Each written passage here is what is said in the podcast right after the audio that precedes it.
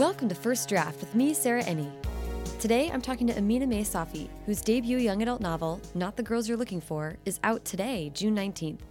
Aminah is smart as hell and funny to boot. I could talk to her about absolutely anything for about a hundred years. We covered a ton of ground in this conversation, but especially got to a lot of thoughts about female friendships, the challenges of being an adult, and about code switching and translation. She also has one of my favorite bits of writing advice, so be sure to listen all the way to the end. So sit back, relax, and enjoy the conversation. Aminah Mae Safi, how are you? I'm great. How are you? I'm so good. I'm so happy we get to chat. Me too. This is like um, someone was talking to me about you the other day, and I was like, "Oh, we haven't done our um, podcast yet, so I'm not sure." It's like all my friends go through this like rigorous interview process with me, and I'm like, I know a lot about my friends. You're like, I'm on it. I've learned so much. Just I feel like you would learn a lot from interviewing people and, And- asking questions and seeing what pops up. Yeah, and talking in this way, this is not like how you normally chat with your friends, like asking them to go chronologically through their life and explain their thoughts and feelings. So you really like get Dive you ask deep. questions that you wouldn't necessarily otherwise. So I like to start with where were you born and raised? I was born and raised in Houston, Texas. Actually, I'm gonna have to plug Houston for a minute. Sure. Most diverse city in the nation. And had a, a I think the first openly lesbian mayor in the U.S. Yep.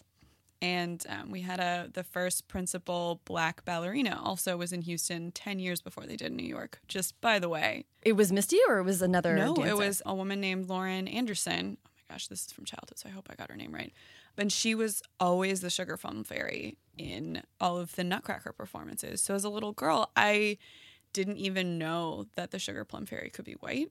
Like you know how when you're a kid and you're like, oh, I didn't know stories could be about kids of color. Mm-hmm. I didn't know that prima ballerinas weren't ballerinas of color because she was so and she's so dominated and she was so what every little ballerina in Houston wanted to be. Like that green one was just full of little girls with their little ballerina buns, just anime hearts in their eyes, like, Lauren, will you autograph my shoes? Like Oh it was gosh. just and I didn't realize how magical that was until I got older Yeah. you know, being able to be eight years old and look up at this amazing, incredible performer who was also a ballerina and black, and Mm-hmm. it wasn't a thing. Yeah. That's amazing. Yeah, Okay, we're gonna get to all of this because I didn't know you were a dancer. no, that's okay. way back in the day. For the formative years. So, growing up, how was reading and writing a part of your childhood? I think I come from a family of storytellers. So my dad tells stories, and his dad tells stories, and they are master storytellers and they have a really grand sense of comedy and timing. And even when you listen to them in Arabic, even if you don't understand, you laugh because you hear the way the story swells and you hear the intonation and you can kind of feel like you're a part of the story even if you don't understand it, which I was always amazed by with both mm-hmm. of them. And then my mom is incredibly witty. Like I remember being in a beauty salon because this is so southern. She would get her hair done every weekend on Saturdays. Yeah, get her hair set. Oh my god, amazing! like a like a southern lady. Even though she worked and she was a lawyer, it was just still like what you did. And she always had this subversive sense of comedy. And I remember being five or six and looking at her and being like, I want to be funny like that.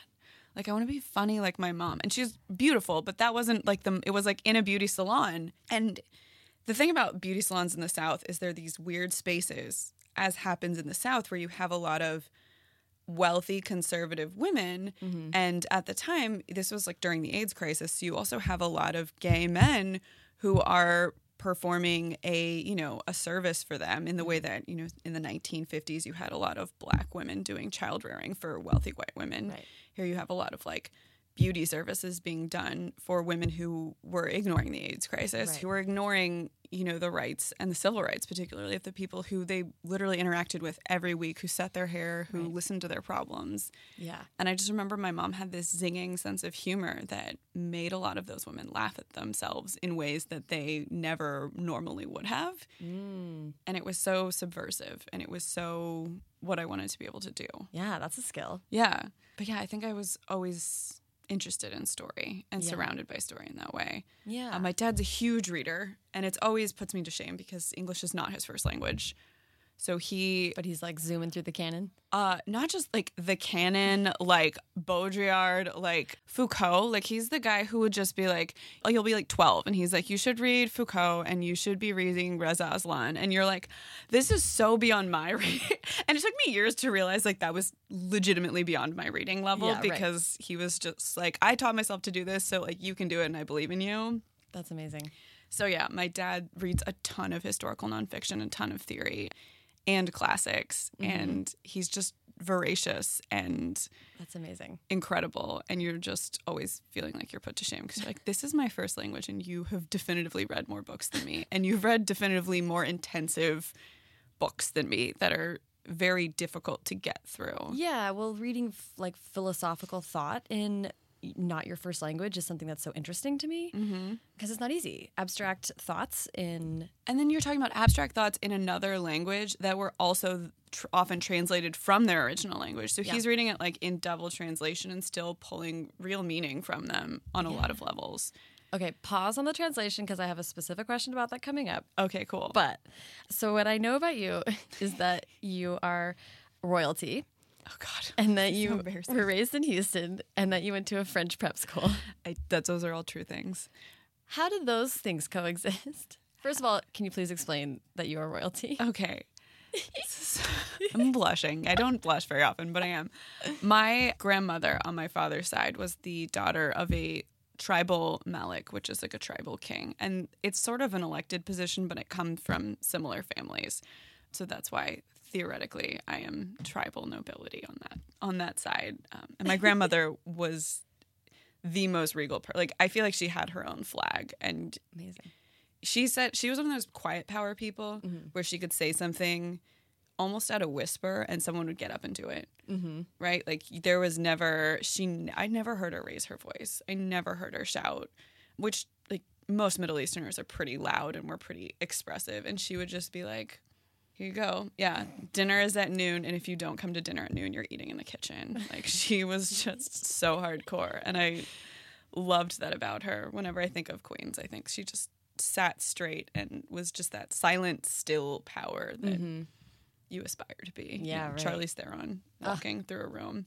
Amazing. Only this one was like four ten. I forgot the rest of the question. Well, the rest of the question was sort of like just about the the wild combination of influences that shaped you growing up. The yeah, I think it felt kind of banana. When you're a kid, you'd think it's normal, right? When you're a kid, you think everyone else goes to international school and learns multiple languages and is constantly code switching between their parents and between home and between school. Mm-hmm.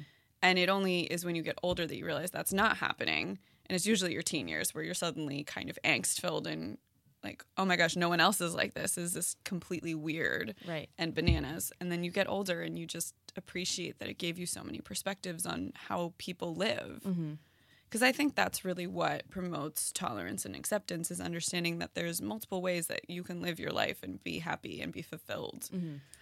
Um, so yeah, but sometimes I have these weird French moments that come from just like being around French teachers when you're seven years old and you you're not really conscious of what you're absorbing. You're just picking it up. Yeah, you and you've that's like come up a couple times. I feel like, and just like hanging out, and you're like, oh no, at my French school, we would do like this particular voice is in my head still, or Yeah, you couldn't. We would get yelled at. First, you had to put your margins completely clean. So you had to. Most of the time, they only bought perforated. So I only buy perforated paper that you can tear out mm-hmm. perforated because you would get dinged if you had the little, you know, the little things and you The rip out the sloppy edges. edges. You could get your grade would be like five to ten points lower for that, and you would be shamed in front of the whole class for being sloppy. So there's a lot of things that, especially with it in terms of sloppiness and neatness and being a woman that come from French school that I don't even realize. right. Like I'll have moments with Steve, I'm like, oh, my jeans look sloppy, and he's like, he's like, I don't think you're using that word the way that word doesn't mean what you think it means. he just has that like Inigo Montoya. You keep using that word. I don't think it means what you think it means, and it doesn't. And it's because French women, or at least a certain class of French women that taught me in school, which is mm-hmm. like very upper middle class white French Parisian women mm-hmm. were very like iron their jeans kind of people and you think that's normal and, And you're also- a child and you don't you just absorb it you don't think about it critically Right. You're and al- also those women being in Houston like tasked with sort of preserving this ideal of what Frenchness is. Yes, I've had conversations with this where people who leave their country often can preserve their culture in a really conservative way. Mm-hmm. And I see that even in my dad, who's in no way conservative, but I think the Baghdad of his memory mm-hmm. is like Baghdad in 1960s. Like that's, and that's when he left, right? He left in 68 and he has never gone back. So he sees videos now and he's like, what is that? Right. And his sister, who's a lot younger, there's a big age gap between him and his youngest sister. Is like, oh, that's the da building, and she didn't leave until 2001. Mm.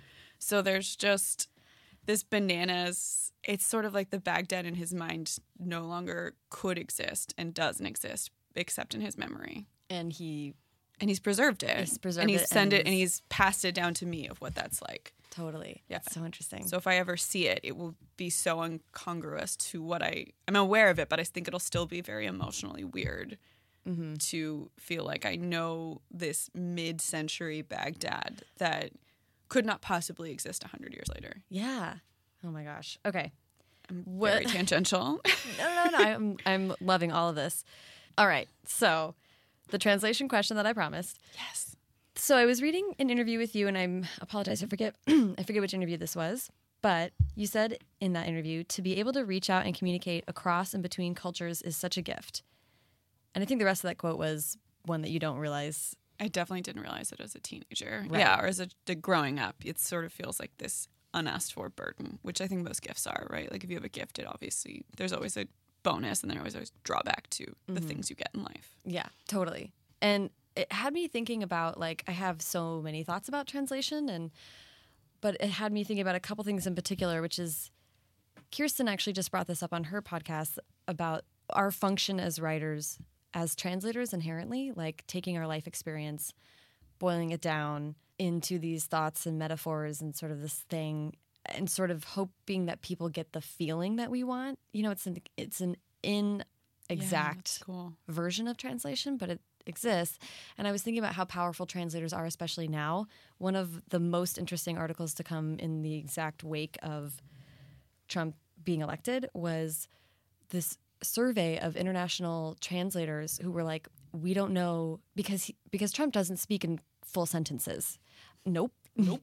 um, so he makes their job quite difficult, and these translators were all of a sudden imbued with an incredible power because they had to read nuance and make assumptions like they are not usually asked to do by real diplomats. So this is giving me chills actually thinking about They have an enormous amount of power and responsibility. And there's they're these unsung sort of heroes. You know, like right now, Macron is at the White House having a state, and I think Macron speak, speaks English, so I don't think mm-hmm. he relies on translators. But there's so much of that going on right now. Yeah, but the French, and I say this having grown up in French school, are just like the the captains of doublespeak, right? Mm-hmm. like someone was telling mm-hmm. me, asking me when you do well in like, or at least when I was in school, when you do well on a French paper, like what they write on it, and I was like, bien, like it's good. That's it. Like that's good. There's no like range above that. Like maybe a maybe a very good. But Right. that's that's like where you're capped out. So like when you cap out at that place, like the language becomes incredibly nuanced in that like mm-hmm. lower register. Right. Very. It's all subtlety Right. and nuance. Mm-hmm. Yeah, and so I mean, it, when I was thinking about all of the disparate elements that sort of made up your childhood, and only disparate just because they're, you're, it's like mm, There's just a lot. There was Yeah. a lot to process as a child that you are coming up against, right? Like Texas and the South and French. And I also grew up doing martial arts, so there was like weird bits of Japanese culture that someone else had translated and given to me as a martial art, right? 'Cause It was a Japanese martial art. So that's like something by way of something else. And then my dad's culture, which I got from the Arab American community, and I also got from him giving me the parts of his culture that were his favorite base. I mean, that's the thing that they don't tell you is like when you leave your homeland and you go and build a new one, you can take your favorite parts and give them to your kids, mm-hmm. which is also deeply confusing when you get older and you're kind of like, wait, what?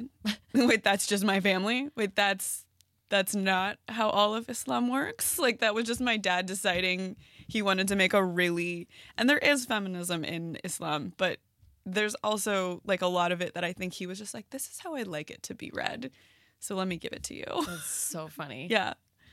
Yeah. And, and later you're like you just believe it it's your parents. You just believe them 100% until you hit about, I don't know, 12 to 14, and you're suddenly going, wait a minute. Then you spend the rest of your life building context to understand what the heck. That's what therapy is for, kids.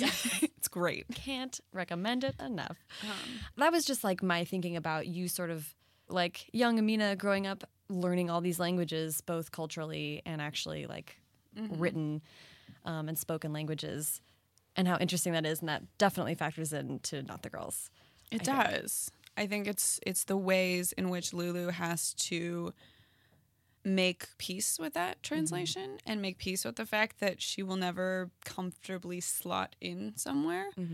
Let's, before we get too much into detail, do you mind giving the pitch for Not the Girls You're Looking For? Yes, I've got it. It's not the girls you're looking for is my ode to mean girls, messy friendships, and bad decisions. And it follows Lulu Saad at her Texas prep school during her junior year with her three best friends. And it's an exploration of friendship and girl gangs and the ways we hurt those we love the most.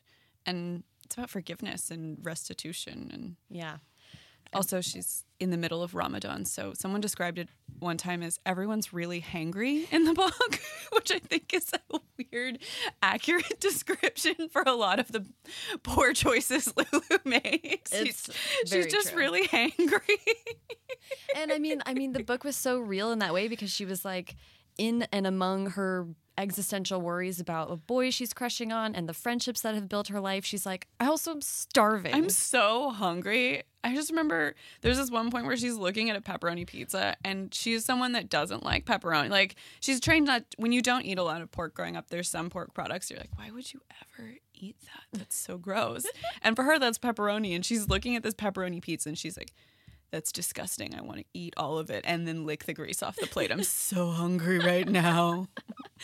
Uh, she's like a little bit half out of her mind. She is, which happens when you're hungry. I was going to say, if you have friends that celebrate Ramadan, that is something to keep in mind that month that they are suffering. Yeah. Well, and I think it's different when you are celebrating a religion in a as a minority, right? So my cousins grew up where you would get like more time off from school and there weren't exams and there weren't yeah, there because obviously if you're in a Muslim majority nation, they understand and they're not making you take your exams while you're very very hungry, right? Like that would be a poor choice when, you know, 80% of the student population or more is celebrating this fasting. Yeah. Um, like month of fasting. Like, why would you do that to yourself?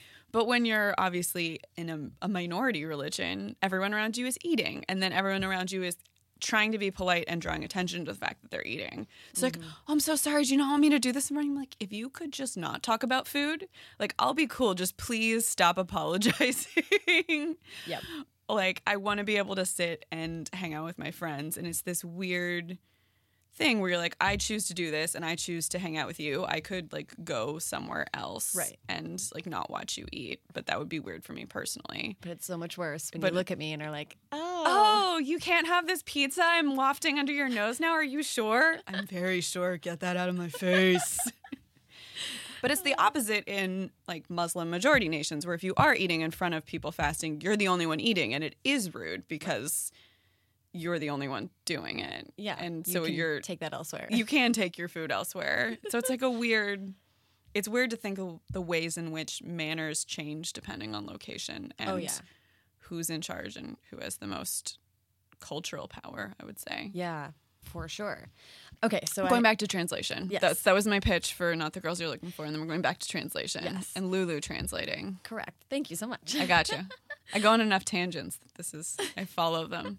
I have to trace them back. I appreciate that. I have to do that as well too. I'm like that. This is where I how I got there. yeah. But yeah, well, you were. I think I had you do the pitch just so we could talk in specific about Lulu and how you. I I felt like you were giving her some of those experiences Yeah. of learning when. Yeah. Learning when it's okay. Yeah, and when Um, it's a superpower in some ways. Yeah, and it is a superpower, right? Like it's it's hard because you have to learn with great power comes great responsibility. But it's amazing that you can talk to so many people and that you can understand where they're coming from and you don't judge that. And that is a gift. Yeah, Um because be- Lulu's crush in the book messes up a whole bunch. he screws up a lot. he screws up so much that when I was writing him, I was like, I don't know if he can come back from. I mean, I hope so, but like, I hope we all can come back from a lot of our worst moments, but I really didn't know as I was writing him Yeah. if he could recover. And I mean, it just reminds me of something that was said, and I'm going to space on who said this. I apologize, but a very smart person at the LA Times Festival of Books was talking about allyship and how he was like, honestly, one of the biggest things you can do if you are not, if you screw up um, and you're trying to be an ally to someone, is to not be afraid of that screw up. Oh, I think that was James Jennings. Jennings? James Yes. Jennings. I believe that was James Jennings. Yeah, on the panel that Brandy Colbert moderated, it was really On social justice. That was a fantastic panel. It was so good so good and i and that really spoke to me because i think that's something that you know like lulu's crush in the book could have just been so scared of being wrong that he like ran away And I think that's what made him a romantic interest. And that's what drew me to writing him too, is that he really does seem to own up to the fact that he makes mistakes pretty quickly after he does them. Not always immediately, but I think he's willing to face that in a lot in a way that many of all of us are not able to, Yeah. even grown-ups. So I kind of loved that about him that he was like, "Oh, I fucked up." Cool. like I don't know what to do with this, but I'm going to keep trying. I'm going to do not that thing again. yeah and in a lot of ways just his physical presence like him remaining physically there and calm. Like he doesn't. There are very few times I think, and sometimes he does, but that he actually gets really agitated at her. Like there's one time where he does, but most of the time he kind of stays calm and listens, mm-hmm. which is I thought I think something we should all do better. yeah Is like, sure. oh hey, you screwed up, and instead of immediately taking that on as an identity threat, instead saying, oh, I don't want to be someone who screws up in that way. What can I do to fix it? What can I do to not do it again? Yeah. What can I do to make sure you know you can still trust me? right Like, And, how can I listen and change and adapt? staying still and being quiet and being open to context clues and Because I think that is part of the problem too. Is we have this idea that like on both sides that like you are stagnated in your worst self and you are stagnated as a racist person, and that causes both rifts of like not being able to understand that racism is a systemic problem and racism is something that you can both unconsciously and commit and something you can commit on like a small micro level mm-hmm. without being a bad person. Like I think we've conflated all of those things as like a singular identity so people want to say, "Oh, I'm not that thing," rather than I want to work to do better. i think we it- don't get examples of how do you work to do better and how do you not get stuck in that place because by fighting the idea that you are not racist you often get stuck in the place of like not moving forward And like a good, I think, first step or something that was helpful to me to think of was like, if you say a racist thing, Mm-hmm. then you can say that was a racist thing. yes And, and not be like that means I have to take on the fact that I'm a racist. Like the racist thing exists and you, you exist and you can change. and work through it that Yeah. way it actually really helps to be like oh that thing is racist i need to confront that it's been put inside me somehow from Yeah. culture from family from whatever wherever you absorbed it and you can work through that thing rather than like seeing it as only yourself like an inextricable part of yourself. It's like no, it's out there and it can like leave. Like I can expel this. and not re racism, but that's also why it gave Lulu much more class privilege than her romantic lead because he mm. doesn't see racism and she doesn't see class. And I thought that that was a really fun way to say, like, we all have power over someone else and we can all hurt other people in that way. Mm-hmm. And we all have blind spots that, like, when she starts to see what she's never seen in class difference, and it's not huge, but it's just enough that, like, she kind of feels it. Yeah. I think it's important for her to understand that that like there are privileges she's been given in this world that I think she kind of knows and is aware of, but mm-hmm. really understanding what that means on an interpersonal level is really different. Yeah. Yeah. Okay. No, see, I knew this was going to happen. really because- long I knew this was going to happen because you're you are like crazy smart and super fun to talk to, and I was Oh, like, this is going to be hard to like keep it. Keep it focused, kids. Yeah, but um, yeah, I don't know. Um, I've had a few friends in my life where I talk to them and I'm like, you just slowly morph into an emoji, and you're like, you're so smart, oh, thank you. and you're one of them. Actually, going back to the original question, I remember the answer I was trying to get at because I got sidetracked, much like my father, actually. When I was growing up, there was a specific kind of book that started to come about that is so important that it happened. And I'm really, really grateful those books because I am able to write the book that I wrote because these people wrote books where you should be proud of your immigrant heritage. You should be proud of where your parents came from, no matter where they came from, mm-hmm. and celebrate that and own that. To me as a teenager, what was hard is that I was both and I was translating. So it felt like I had to make this choice between, you know, what would be generic, homogenous, like Anglo American culture versus your immigrant heritage. And I'm I have several immigrant heritages in my line. My mom's father immigrated from Mexico. My dad comes from Iraq. So it always felt like you could only be one or the other. And I wanted to write a book where that becomes a false choice and mm-hmm. she's allowed to find a way to forge ahead that is more difficult in some ways, but also more rewarding because she's not having to choose between the different pieces of herself that she sees as equally valid. Yeah. I love that. There we go. I oh did it. I got well there in done. the end. Well done. So 45 minutes later. Cut two. Cut two. Uh. I do feel like that's She's still talking. No, I love it. So let me let's just wheel back for a second and then go back to mm-hmm. the book because I want to I want to talk about what you studied mm-hmm. and the course that you took to writing because you spent much time studying not writing. I did. Well, so back to the childhood. I'm just going to start the mm-hmm, childhood. Mm-hmm, the childhood, I remember being in an after school program and I was pretty big into reading comics mm-hmm. and I still am. Mm-hmm. And there were these comic books that were like Knights of the Round Table, which I love historical anything and I love myths and legends. I was like a huge mythology nerd. So these all these like Knights of the Round Table things. And I was probably seven or eight and I was like, why doesn't Guinevere do anything? Like I was a kid and I was like, she's literally sitting in a tower. And I this was like even I wasn't thinking like, oh, it's totally sexist because this is the 90s and girl power and girls can do anything and you haven't really like confronted like real patriarchy yet. You just right. think like, we're past that and I'm eight and I can play soccer with the boys and, you know, punch things if I want. So I rewrote them. And this takes, you had to print out dialogue in the right shape, white out the old shape, paint like cover over it with the new text and then make new photocopies of the comics and put it in the comic binder so other kids I was like so determined to you put fix it, oh I did where it. other kids could find oh, it. Oh, I'd put it where other kids could find it. Oh, I was like I was thinking this is an at home. Oh no. I am still a ham, was always a ham, was always like, you need to see this story. It's so much better because I fixed it.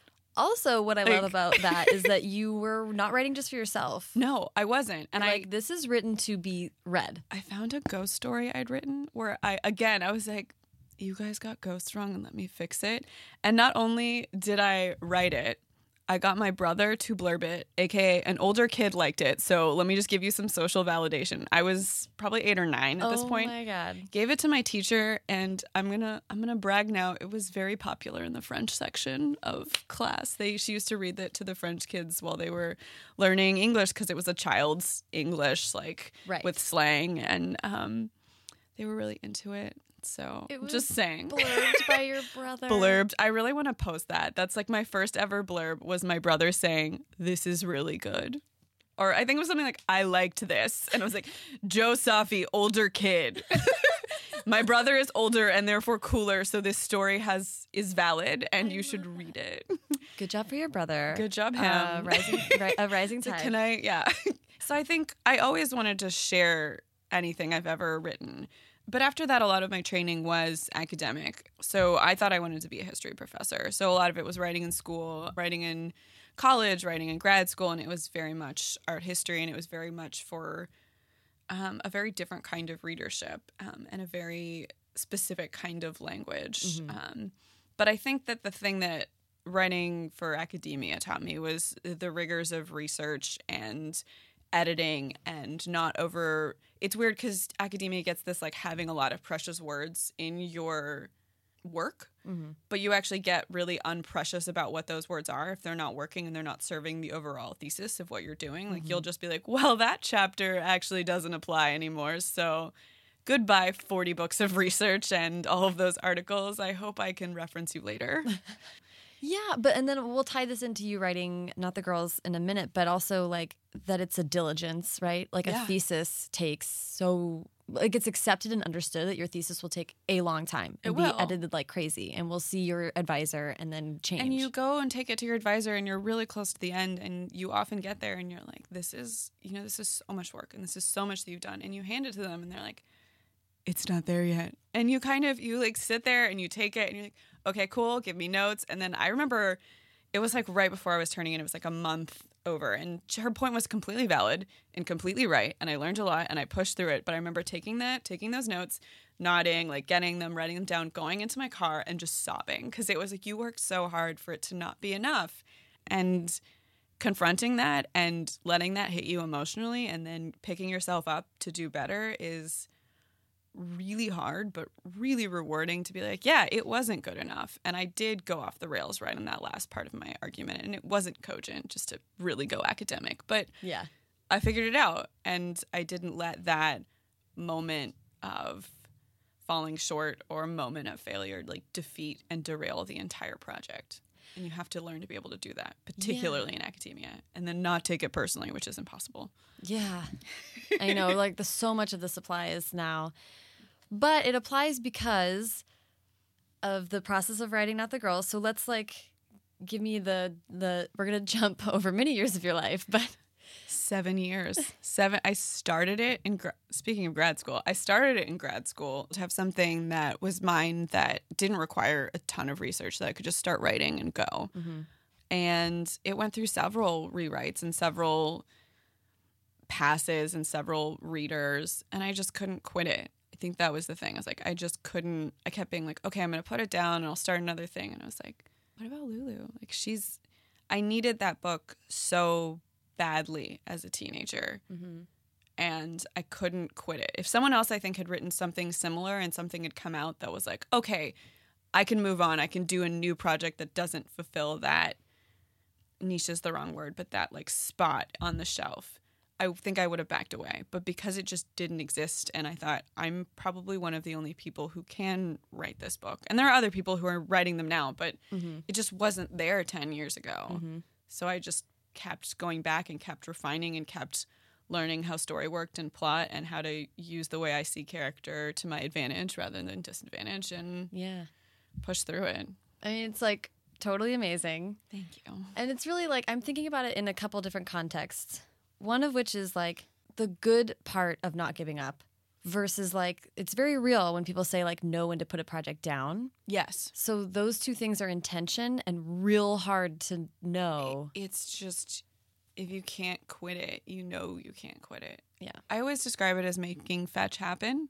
Because I think we all know when we're trying to make fetch happen in a book, in a story, in a scene, you know, like you're mm-hmm. making a chapter and you're just really trying to make fetch happen on a level that It's like work in this Yeah. way that's not yeah. and it's always it's always work but it's yeah you're trying to make something cool or interesting that's just has no point Mm-hmm. right so i think that's why i like making fetch happen more than like i think there's this weird masculinization with writing of like writing is war and it's hell and i have a lot of eye rolls for it um and like kill your darlings and i'm like don't kill them like whatever go you know if you Put need to cut them and put them in a word document. document save them i don't care Yeah.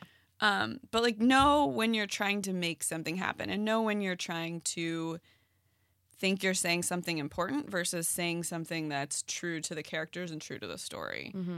And also know that like you don't have to push through if you really are done with something. Right. And I think it's just a balance of learning when you're actually done and you're burning yourself out versus when maybe you need a break from the story, but you can push through and find a new way of looking at it. There's also like to some extent this like intuition It is, yeah. that we are sort of we can start on the uh, feminist part of the podcast now. But Yes. as women as I've just like crammed against male authors like left brains. I'm I like, mean- fuck that. Yeah, but oh, and but you're right. I think the advice for writing, you know, how much advice do we have from like Ernest Hemingway and shit? And it's like, frankly, I don't want to take much advice from that guy. No. But I had a couple of things recently where I've sort of been in the process of like relearning how to listen to my intuition and sort of like letting that grow and be stronger. Yeah. And I had a couple when I was I was rewriting a book while I was going through my divorce. And I was like, I loved oh this my book's God. characters and the setting so much. I was so obsessed with it. And then at some point my agent was like, What if you didn't write this book anymore? And I was just flooded with relief. Yeah. and so it was this moment where I was like, Oh, this is not necessary. yeah. I You don't, have, to like keep beating this drum. you don't. You It don't have to make fetch happen there. You don't have to make it happen. Yeah. Like it's okay if that's not the book. Right. And it's okay if maybe like 10 years from now you pick that up and you're like, "Wait, I'm I'm kind of excited and I know what the problem is." Right. Like you can always do that. Nobody tells you that about writing is that you can you can put something down for 10 years and come Yeah. back to it and maybe it's better when you come back to it. Or you can you Yeah. can let it go. You can be like I learned about, you know, how to really take a turning point in a story that I never learned before and I learned how to do that with that story. Mhm. And if you know you learned something from that, just let it go. Like it's cool. Yeah. I think it was Nicola Yoon was talking about how she had like 40,000 words out of a 70,000 word book that were just cut that Mhm. she like and you can say, "Oh, you you wasted those words," but you didn't. You needed those words to find the right words. Yeah. We write the book that it's not All the time. before we find the book that it is. Especially when we're talking about feminism, sometimes you have to write the crappy like sexist thing that's in your head and just let it go. Like that helps me. Is like sometimes I write the sexist garbage version of the scene. I'm like, great, now that that's done, I delete it. And I actually watch myself delete it. It's very cathartic to just like highlight it and like watch it go. I'm like, cool. Now I can write what I actually want to say. Yeah. And not to quote Kirsten as though she's like here or not, but yesterday we I were wish she were. We could all we could all be chatting. I'm I feel I like it applies. I need to quote her directly, but she we were hanging out last night and she brought up this quote that I think she just found on the internet, so I can't Perfect. cite this at all. The quote was the first thing that you think is what society has told you to think. The second thing you think tells you who you really are. And like that's what you need to work on.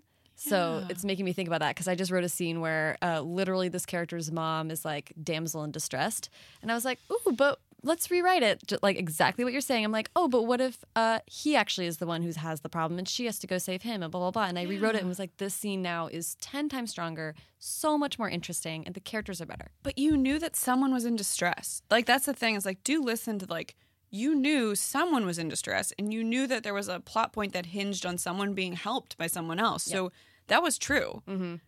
You just got the gender wrong or you Yeah. just got the characters wrong. Like Yep. and that's okay. Like you can see what you're trying to do and throw out the garbage parts Yeah, and learn from them. yeah.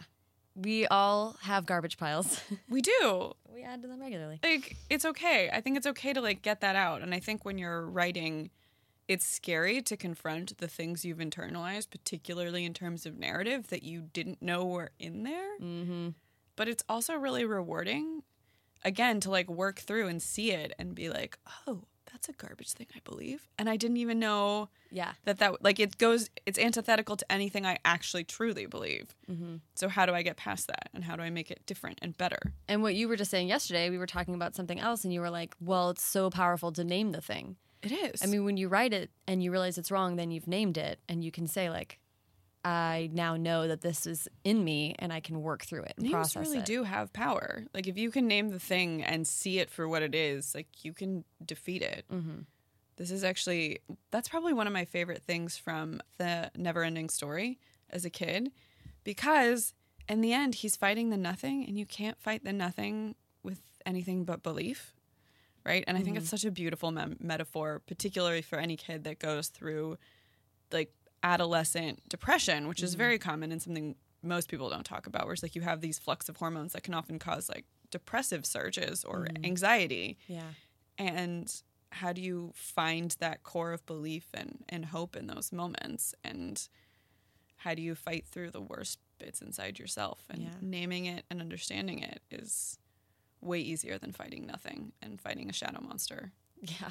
That was such a terrifying and beautiful movie. Oh my God. It was. It was terrifying and beautiful as a child. Yeah. Loved it. I did too. I haven't Uh. seen it in a while, so I have no idea if it holds up, but I loved it as a kid. I hope it does. Loved anything I that was like sweeping and epic as a child. For real. Oh my Yeah. God. Yes. So you were a fantasy reader too, right? Oh my gosh, yes. So much. I mean, so much. And, well, I Like liked, and like really not good fantasy too. like I couldn't even tell you. It was like, yeah, I read the Harry Potter series, which is incredible, right? But I would also be like, oh, there's a girl in a cloak on the cover. I want to read that book. I think I read one. I was thinking about this originally, where it was like a girl who could somehow manifest fire in a world of ice, and like she was just like it was like a classic like she was nobody and in the slave Right. caste and like rises to power because she has fire. I think it's called like Winter of Fire, and I have no idea if it's any good. But I remember just being like, "Yes, burn everything, boo." set it aflame. I just love that about fantasy. I love fairies. I love I love djinn stories. I think they're all about like names having power and there being another world. And obviously this makes sense now that you've like heard the interview, but like the idea that there's another world that coexists side by side with our world that nobody knows about, like of course children of immigrants and multicultural children drawing to that because it's like, oh, that's my life. Like there's two worlds happening and you can travel between them and like people are okay. I didn't realize like at that age, I was like, oh, I was just like, oh, magic can coexist at the same same time as not magic and we're all fine. Right. I mean, obviously there's lots of murder and death, but we're all fine. But that okay, so that was my first question to the panel at LA Times last weekend was actually to I was asking them as children of immigrants, how much were you building a, a non-Western world in your fantasy novels?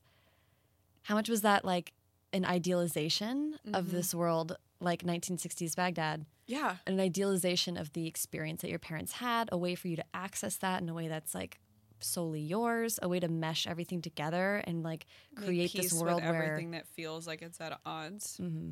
It made me think of it too because an interview that I read with you earlier, you were talking about how like your dad and your grandpa's stories were so epic, and it's like, They are. but telling a contemporary story as not the girls as a contemporary story and making it epic, Epic. and bringing these small things to this grand scale is like it's so lovely. Thank you. Well, I think that fantasy is a metaphor, right? Like it most fantasy is a metaphor for those internal feelings mm-hmm. That you are going through and you watch someone literally trek across to Mordor to put the ring in Mount Doom, right? Yeah. But like there are things in life that have felt like that. Right? Like there are big things, right? I remember my friend when Obama was elected, we were sobbing on the couch, just like, we didn't think we could take the ring to Mount Doom, and then we did. just like such a nerdy thing. I love it. But like there are times when fighting through depression feels like that, when struggling through a friend breakup feels like that. The scale of it can shift, but I think that that feeling of like trekking through the unknown and not knowing who you're going to come out to be on the other side is human and is human emotion and is the journey we all go through even Yeah. if we're not actually physically walking across the like middle earth. I have a question about female friendship. Yes. Then I want to ask you about character sheets yes. and mentorship. Perfect. Okay. So, of course, Not the Girls You're Looking For is like at its heart about female friendships and Yes. female women relating to each other and young girls discovering those tenuous boundaries between Mm-hmm. loving your best friend and yourself and I don't know, all those very complicated things. Yes.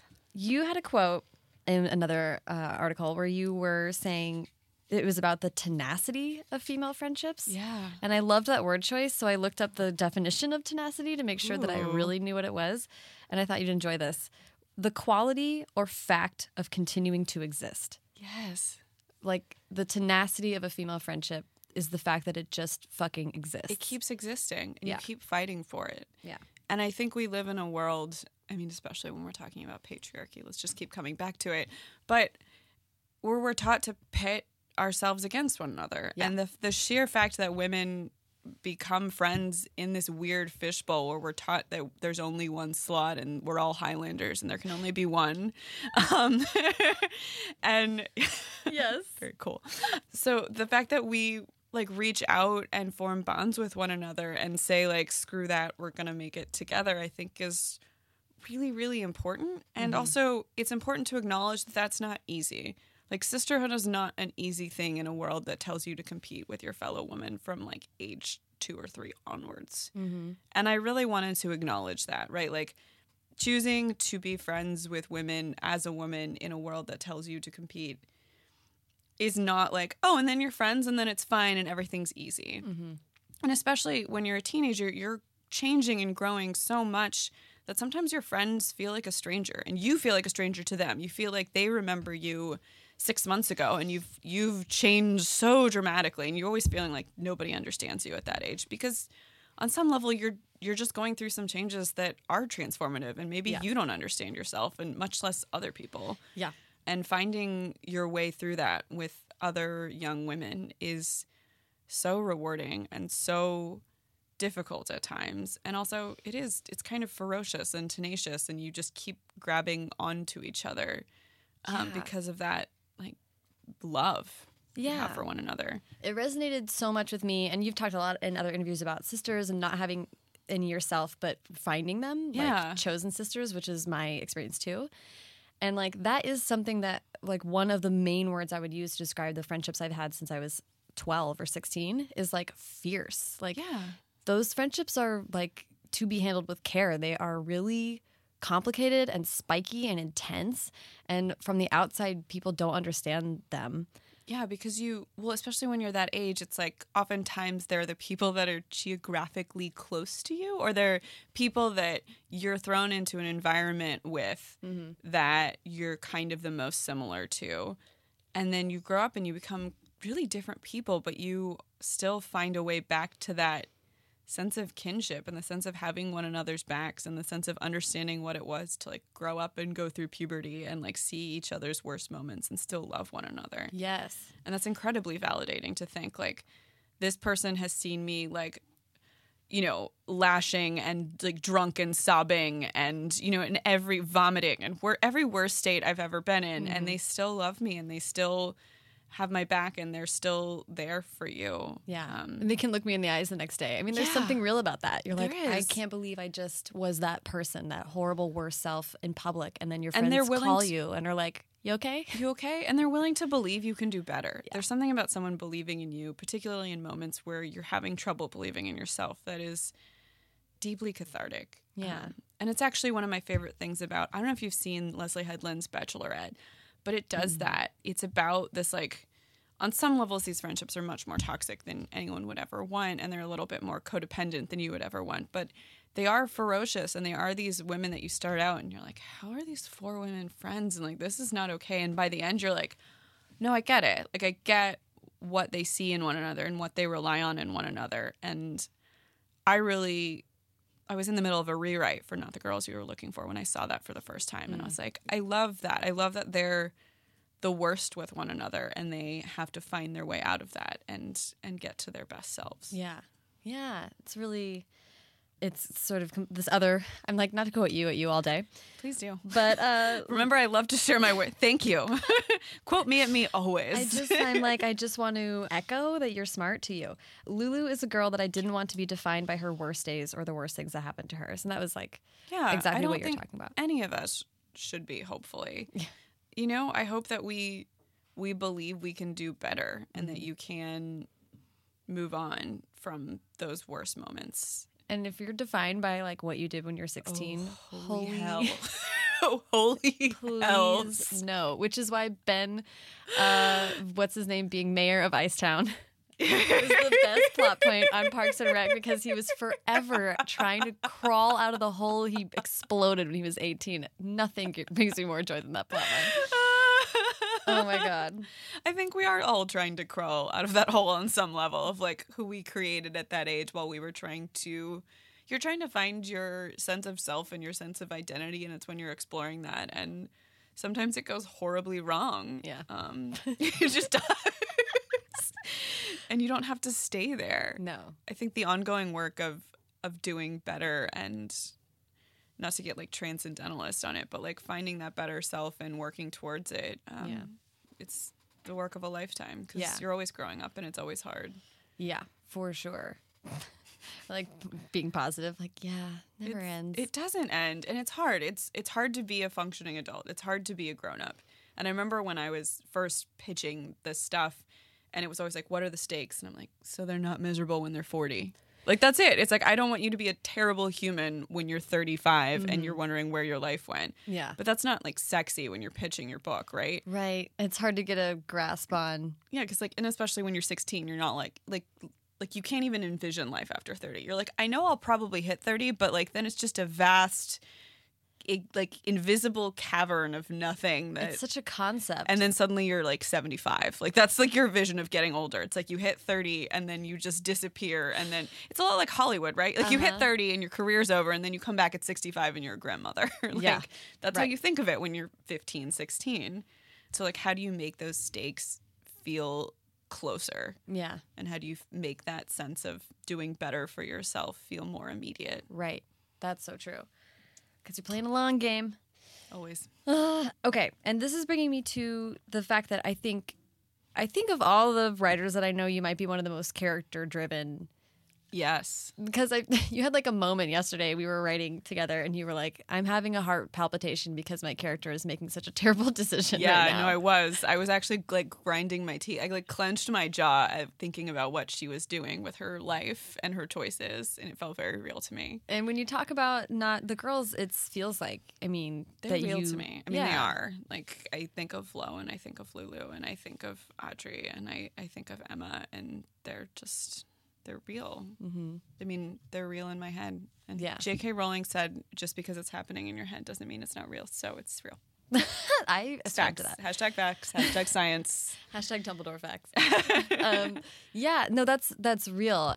Uh, I just want to know how you go about building characters and how you develop them. You alluded to character sheets, I think. I've some- had character sheets. Sometimes I start with tropes. I think tropes are actually really helpful, like ideas that you can then build real characters off of, right? Mhm. Like taking the idea of the like the classic teen rom-com cheerleader or you know the classic like AV film nerd and then reworking it and playing around with it. I think you described Lulu one time as like a Regina George who's trying her best. who's like genuinely she trying. really is trying. and I love that because I did start from this place of like, okay, Mean Girls. I wanted to have like, and that's always classic. There's always four of them, almost all in almost every. I think Clueless is the only one with three actually, Yeah. but there's typically like four girls in a in a girl gang um, in the, the cinematic sense. Mm-hmm. But Mean Girls are girls with ambitions that are taught to put it in weird stuff, right? Like their looks, boys, each other, and like like weird social hierarchy, rather than you know building something else, art, a company, like mm-hmm. like their work, any other thing that they could externalize. They instead internalize that, and it becomes kind of toxic. Mm-hmm. So yeah, I think I started from the place of like, okay, I've got four Mean Girls, like. What can I go from there? And then I sorted them all into um, Harry Potter houses. So I do that, and I give them all different kind of like weird elementals to like start like narrowing it down, Mm-hmm. and then you start naming them, and then you just start telling stories about what happened to them, and they start to flesh out from there. And that's how I do it. And it's never like, consistently. This always works or that always works. It's like you're. It's like refining almost. Do you ever have? Is there ever a hook that you know you want them to encounter this obstacle, or is it just really like I really dig down and dial into their story and often hooks are hard for me actually. Like I have to find what it is right? almost after the fact. I mm-hmm. wish that I was someone that was like, "Oh, and this is the hook and this is where it comes in." And it's like I don't really know until I'm done. And then I'm mm-hmm. like, "Oh, I see I see what how you can make that sound kind of hooky or I can find Right. what pulls a reader in on that." But mostly I just get obsessed with these people and how they interact and how they run into one another's lives and mm-hmm. how that changes them. That's like wild. Because I'm obsessed with people and Yeah. I love, like, I'm the person that's always talking to my Lyft driver when I get in a Lyft, and I'm like, there's so many cool stories. Like, this one guy told me about living in North Dakota for his whole life, and I asked him if he missed it, and he said he hated it there. And he spent 30 years there. Like, imagine being that person. Like, right? Like, that's bananas when you think about, like, I just want to know more about you now, right? You're like, I have to get out of the car now, but Yeah. I'm sorry. I met another woman who was driving and then also like trying to start up an entrepreneurial business and like talking about women in tech and like doing interviews for like how few women in tech there are and how little funding they get. And I was like, yeah, let's talk about this. And my like, this is so cool. Yes, that's So amazing. I think every person is a story. And I think that we all struggle. And this does come down to what I was dealing with in the book at large, which is everyone's struggling with something. Everyone's fighting a battle that you don't get to see all of, even with your closest friends. Yeah. And finding ways to access that was really interesting and showing that everyone's a human, even the actual villains. yeah. It's kind of fun. what um I said we're going to talk about mentorship, but I don't want to. I don't want to neglect. I'm going to swap in talking about your next project. Okay, cool. So you spend seven years writing this is book two drama is real. Anytime someone's like, "Ah, that won't happen to me, I won't have sophomore panic, you're lying to yourself. I've lied to myself. It's real. Because, yeah, you spend seven years getting to work and play on a project, and then someone's like, cool, now do all of that in nine months. Bye. Yeah. See you later. See you Check in later. there. Check in. Hope you do just as well. Bye. also, you're still promoting your first book, so don't forget to keep promoting your first book while you're doing this. I'm starting to understand that that might be the single most crazy making element of all of this. It is, yeah, because suddenly you're doing all of these tasks that take a lot of energy, if not necessarily the same amount of brain space as writing. And arguably, they, to me, they just, they're outward facing, which is not what your writing is at all. Your writing is deeply internal. Yeah. And they're outward facing in this way that is so frantic. You're It thinking is. at the speed of tweets, and then you have to turn around and be like, let me think for hours. Tweet schedulers are lifesavers, first of all, then you don't have to actually be on there. Did you have an idea ready? Were you, how did you think about did. it? I'm a big like if you're on any kind of waiting period, I like to think about the next thing. So if that's querying, if that's being on submission, um, if that's just like you send your notes into your editor and you take some time off and you're still waiting, like think about the next thing. It it always helps me feel like that project is mine for a short period of time because if you're writing for publication, like inevitably it goes out to other people. Um, and you can think of that as a business. You can think of that as an interaction. You can think of that as an art. You can think of it as all of the above. But I think that it's really important to save that early phase of the project to be like really sacredly your own and mm-hmm. like letting it sit in that space where like no one's judging it and it can be messy and weird and whatever you want it to be Yeah. so I had that actually. It was like a background idea, even when I was submitting to my agent, and I actually told her about it, um, just to see like if she liked a couple of my future projects, mm-hmm. because I think when you're picking an agent, you really want to know if they want to work with you or if they want to work with that book. Mm-hmm. So mine is it's an enemies to lovers rom com with two girls on the opposite sides of the social scale.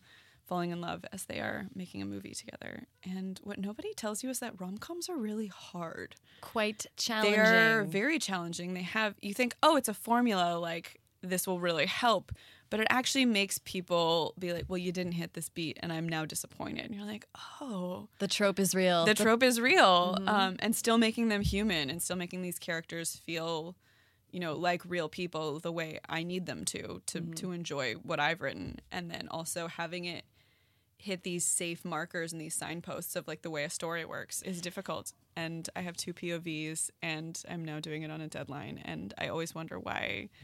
I bit off. I always say I bite off more than I can chew, but now I'm just like chewing a lot. I'm just just chewing. Just keep chewing, and eventually I'll get there. Just keep chewing. Just keep going. I love that. Don't bail out and spit all the food out. That's yeah, no. gross metaphor for the day, I like everyone. I like it. Feels right. It, does.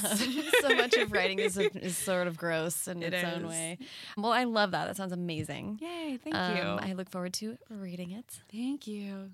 But yeah, no, I like what you're saying. That's that makes sense. When I think about my future projects, I'm like a future thinker, so I have a lot of Mm-hmm. I don't have a problem coming up with ideas or thinking about them, and I like to think that I've got some kind of a jump because the ideas are just sitting back there. They should and Churning they and should churning. percolate. My agent always says that. She's like, "Let it percolate." And I'm like, "Yeah," or like, "Let it simmer." She's like, Mm-hmm. "Just let it simmer." I'm like, "Thanks, Lauren. You're so smart." The boost of confidence. Well, and it's true. Like a lot of, especially fiction, um, but any kind of large cognitive like idea, be that a thesis or you know a story or a mm-hmm. movie, like it does help from like letting it sit and marinate for a little while. It mm-hmm. will be better for having not immediately jumped on it Yeah, most of the time. Yeah. And I think you and I approach stories similarly, which is like characters, of course, super important, but I know that I want to explore certain themes and things like mm-hmm. that. And so what that means is you have to, it's like using a word cloud to make a shape. Yeah.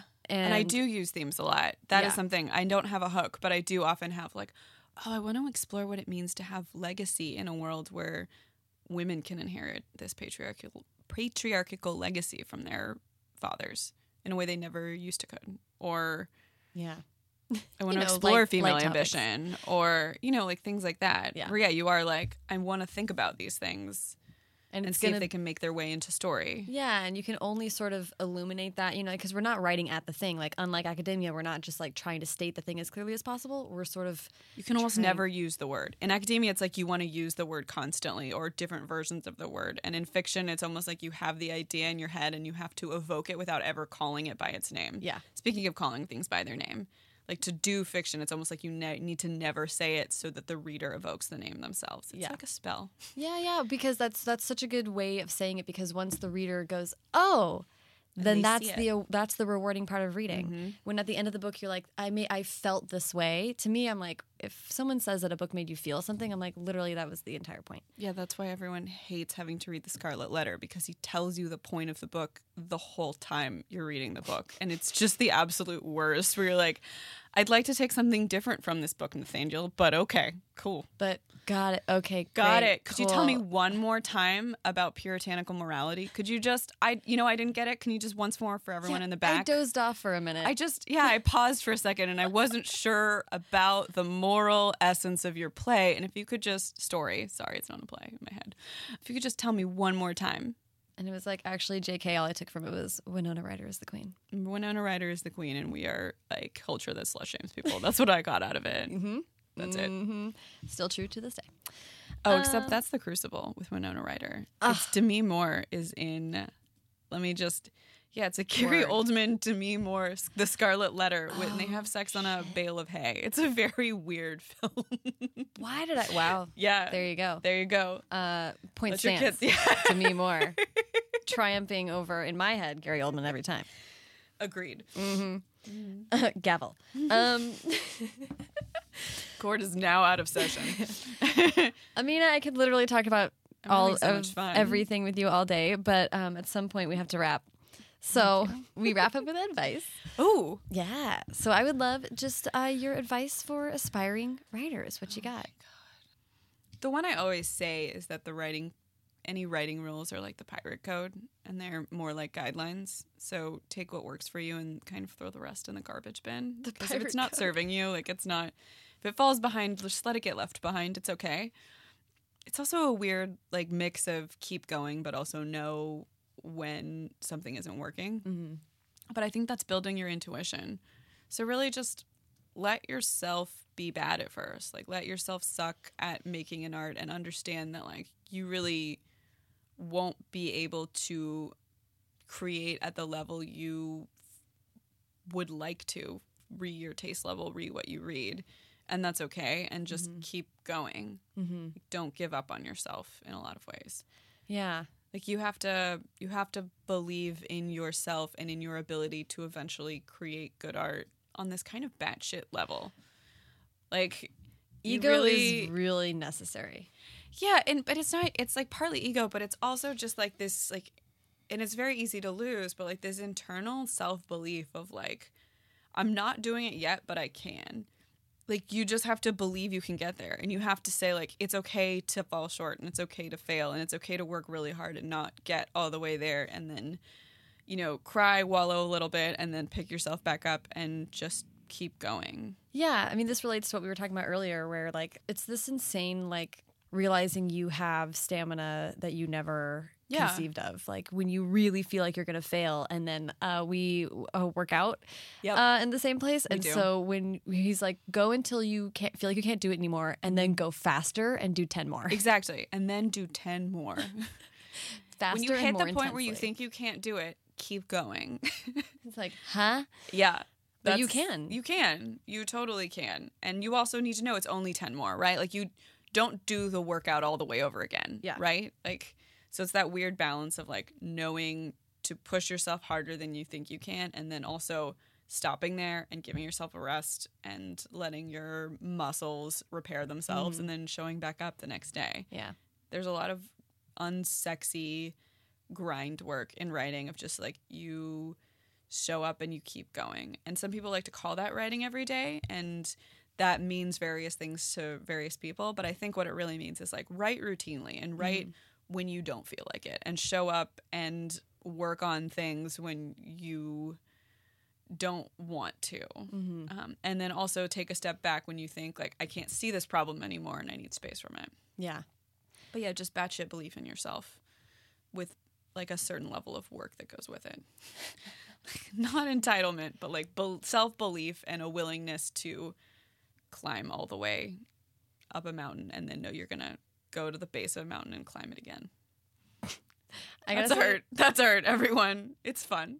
I have to say, that batshit belief in yourself is my favorite like condensation of advice that has ever happened at the end of one of these podcasts. That's going on next year's calendar for sure. I'm so happy. I don't know why they let me be a grown up, everyone. I still don't understand. Uh, because you're a delight, Aminah. Thank you so much. Thank you so for much, Taking Sarah. the time and hanging out. Yeah, thanks for hanging out with me. Yeah, we'll talk again soon. Bye.